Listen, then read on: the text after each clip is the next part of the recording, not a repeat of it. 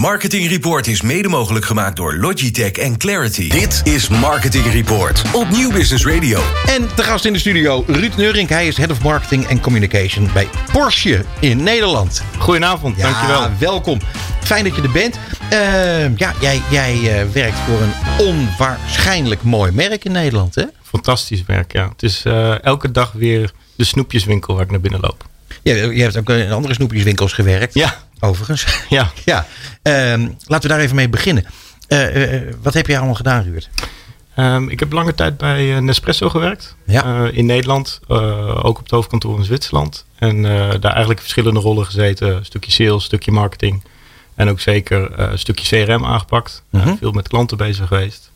Eh, daarna nog een uitstapje gemaakt naar het hoofdkantoor. eh, doorgegaan naar Denemarken. Eh, daarbij inderdaad echt letterlijk een snoepjeswinkel Ja, gewerkt. Luxe Ja. Snoepgoed. Eh Lakritz bij Bulo.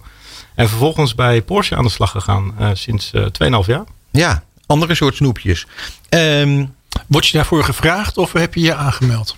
Nou, je zou je daar ook graag voor willen aanmelden. Maar deze was toch echt wel eh, dat je ervoor gevraagd wordt. Je wordt gevraagd om te solliciteren. Want wel extra chic. Het is eh, extra chic. En dan eh, mag je op audiëntie komen. Nee, zo gek gaat het natuurlijk helemaal niet. Het is, het is eigenlijk inderdaad, ja, je wordt gevraagd om te komen solliciteren. En dan kom je in gesprek. En dan kom je eigenlijk hele leuke mensen binnen tegen. En ja, natuurlijk ook een fantastisch merk wat heel erg meespeelt. En denk je dan, als die vraag komt, denk je dan meteen ja? Of moet je nog een paar seconden langer nadenken? Nou, ik had natuurlijk twee interviews gehad. Eh, dus daarna wist ik het heel snel dat het hem dan echt moest worden.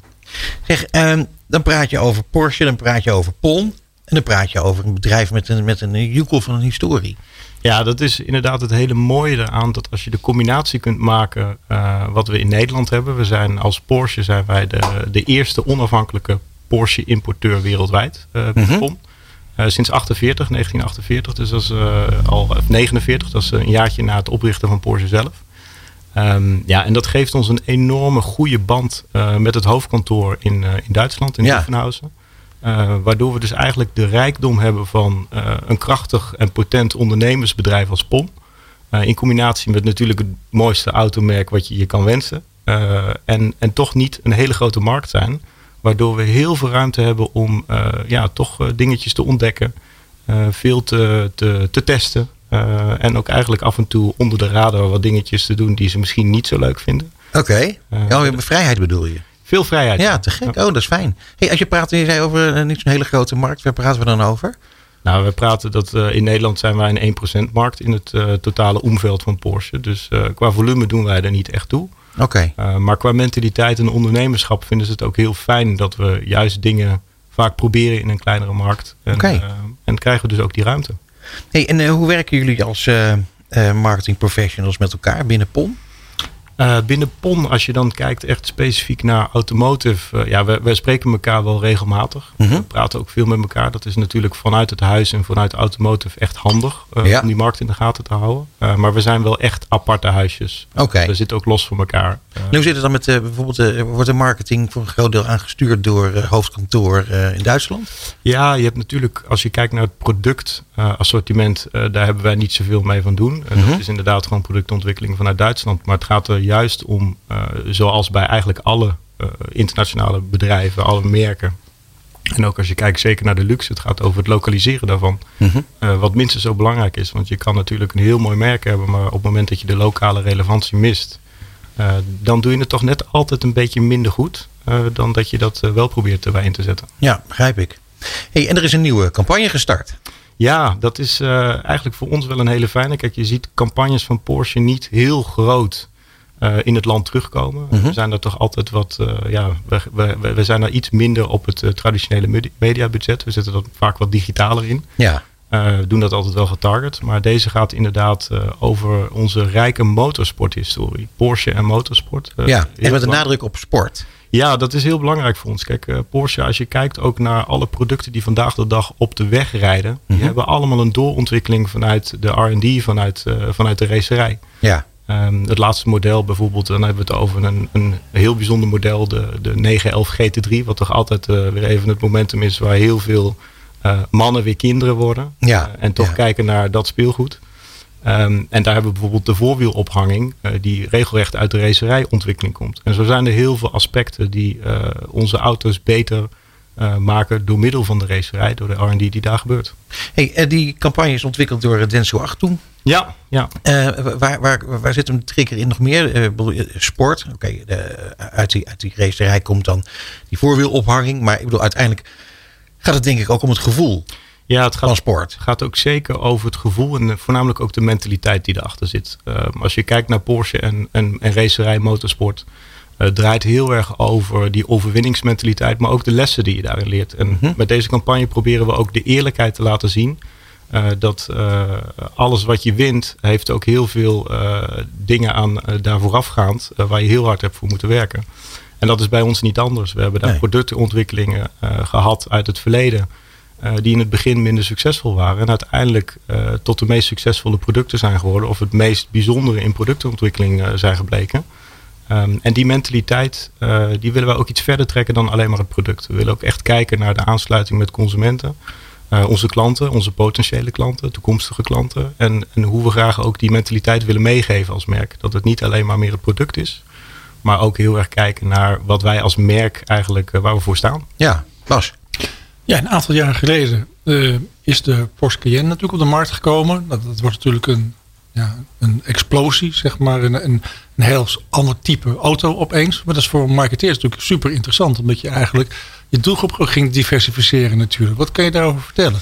Ja, dat, dat zijn, uh, intern noemen we dat eigenlijk de grote verschuivingen die we hebben meegemaakt. We hebben dat eerder uh, meegemaakt al in de periode van de 911, de 996. Waar we toch op een andere manier gingen produceren bij Porsche. Wat meer via een lean methode. De Cayenne is inderdaad een SUV.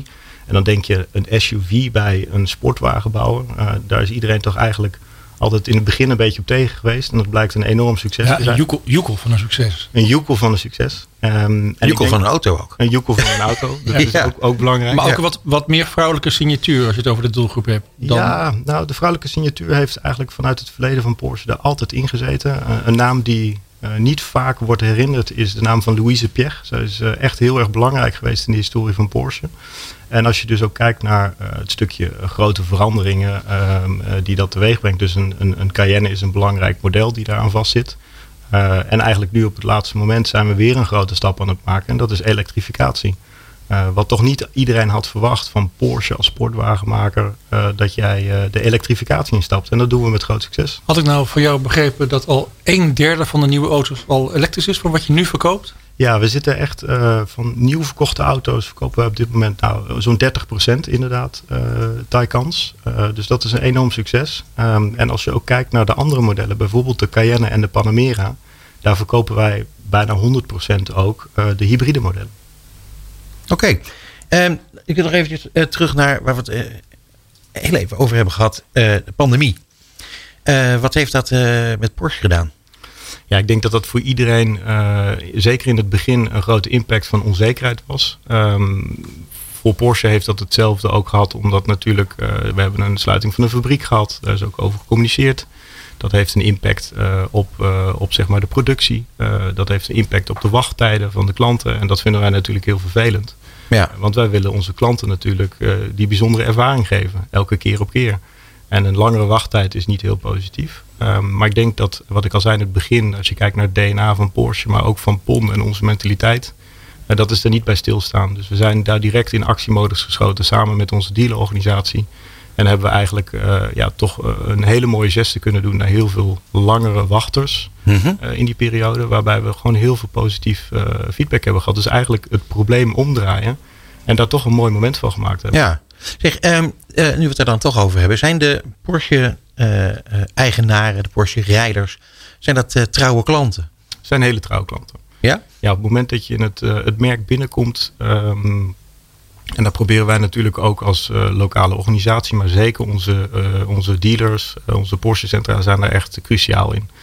die relatie die gaat verder dan alleen maar een klantrelatie, maar vaak is dat ook gewoon een, ja, ik wil zeggen op een amicalere manier, wat vriendschappelijke manier met elkaar. Clubgevoel? Een beetje clubgevoel. Ja. Oh ja, grappig. Ja. ja. Um, um, als je een auto, want jullie verkopen dus ook auto's uh, online. Hè? Uh, maar zo, jullie willen wel, je klant wil je zien.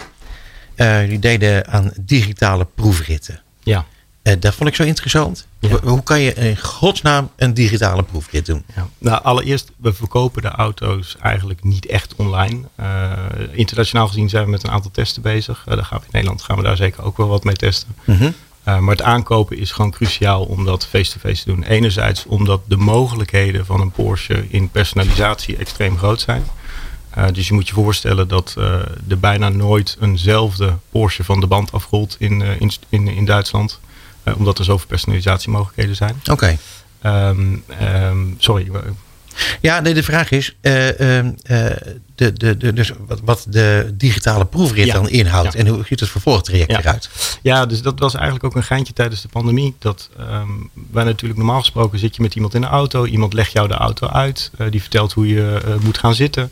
Uh, die vertelt inderdaad veel over het instrumentarium. En hoe, hoe je moet gaan zitten? Hoe je moet gaan zitten is heel belangrijk. Oh ja? Een goede zitpositie in een auto, dat uh, geeft ook juist weer de mogelijkheid om uh, ja, veel beter het gevoel te hebben van de auto. Mm -hmm. Maar het geeft je ook natuurlijk veel meer bewegingsruimte om de auto goed te kunnen managen. En bij Porsche is dat zeker belangrijk. En met die digitale proefritten hebben we eigenlijk dat stuk van uitleg wat we tijdens de pandemie niet meer konden in één op één contact hebben we gedigitaliseerd. Ah. En hebben ervoor gezorgd dat mensen de auto thuis afgeleverd kregen voor een proefrit. Maar van tevoren wel alles hebben kunnen bestuderen via een videoboodschap van een instructeur. Goed verhaal. En dan is er vervolgens iets anders en dat heet het tweede aflevermoment. Ja. Vertel daar eens wat over. Ja, als we kijken naar een Porsche, dan is dat uh, toch een auto die veel vermogen heeft, um, een sportwagen is. Uh, en we vinden het heel belangrijk dat uh, een klant van ons daar ook op een goede manier mee overweg kan. En natuurlijk hebben wij veel klanten die al vaker een Porsche hebben gekocht. Mm -hmm. Maar zeker voor mensen die een nieuwe Porsche kopen of een gebruikte Porsche voor het eerst dat kopen. die willen we graag goed op weg brengen. en een tweede aflevermoment is eigenlijk wat wij de Porsche Advanced Driver Training noemen.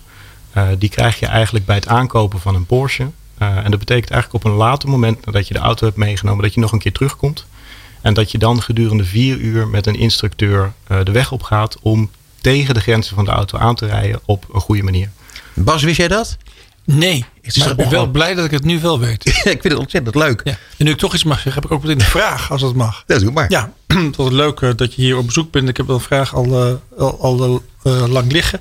Um, want je zei, we hebben maar 1% marktaandeel. Nou ja, dan kun je misschien zeggen, is dan misschien weinig of exclusief. Of hoe ja, je daar kijkt.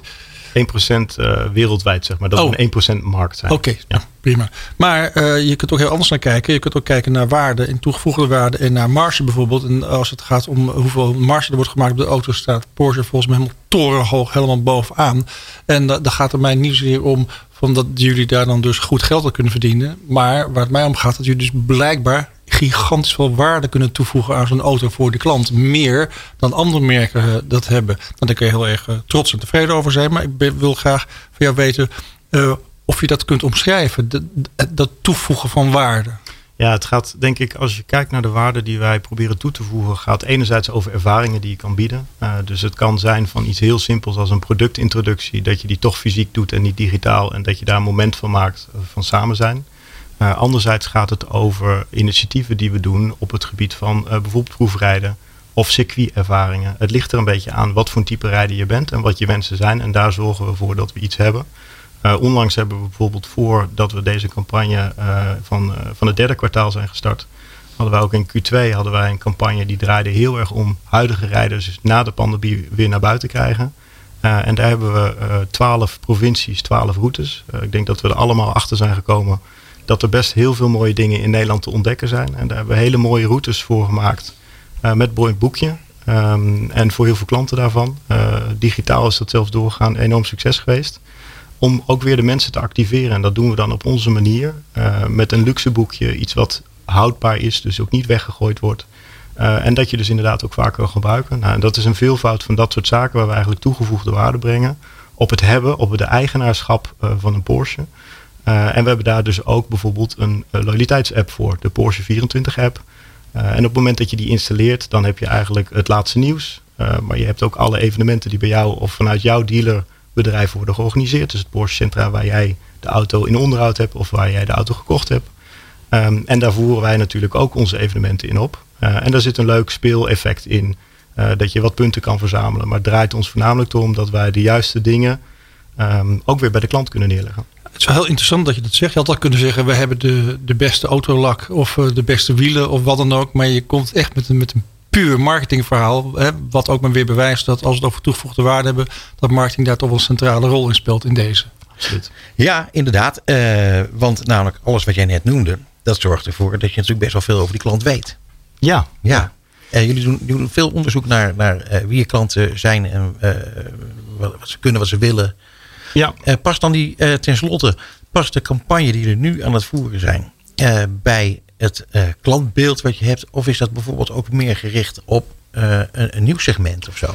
Ja, het is allebei. Ik denk dat als je kijkt naar onze jaarkalender en dan echt puur naar het vak marketing en communicatie kijkt, dat we daar een hele goede mix maken van zaken die uh, gaan over een stukje nieuw business. wie moeten we aanspreken, met welke boodschap en welk product. dus ook veel meer daarnaar kijken in plaats van alleen maar product centraal zetten. Maar doelgroepbenadering doen, boodschapbenadering doen en daar het product ook bij zetten. Uh, in het eerste kwartaal hebben we ons bijvoorbeeld veel gefocust op uh, nieuwe technologie, dus elektrificatie. Maar ook nieuwe doelgroepen waarbij we ons graag wat meer willen onderscheiden richting vrouwelijke ondernemers. Uh, okay. dus ook veel meer vrouwen willen aantrekken. Zeker omdat we die historie met Louise Pierre ook hebben. Mm -hmm. En we dat heel interessant vinden. Um, en anderzijds um, uh, is het natuurlijk ook om ervoor te zorgen dat wij uh, retentieactiviteiten doen. Dus bijvoorbeeld het tweede kwartaal wat echt puur op retentie gaat. En dit derde kwartaal draait echt over het merk. Waarbij we echt een merkcampagne inzetten. En dat betekent dus ook dat de activatie die daaraan vastzit veel minder lang door de funnel doorloopt. Mm -hmm. uh, omdat er geen concrete actie op een dealerkanaal bijvoorbeeld bij zit. Ja, tenslotte zou ik heel graag willen zeggen, Ruurt heel veel uh, veilige Porsche kilometers. Dankjewel. En uh, wij gaan die uh, campagne gaan we goed volgen in elk geval. Super. Dank, Dank voor je komst. Dankjewel. Het programma van marketeers. Dit is Marketing Report. Elke derde dinsdag van de maand van half zeven tot acht. Dit is Marketing Report op Nieuw Business Radio.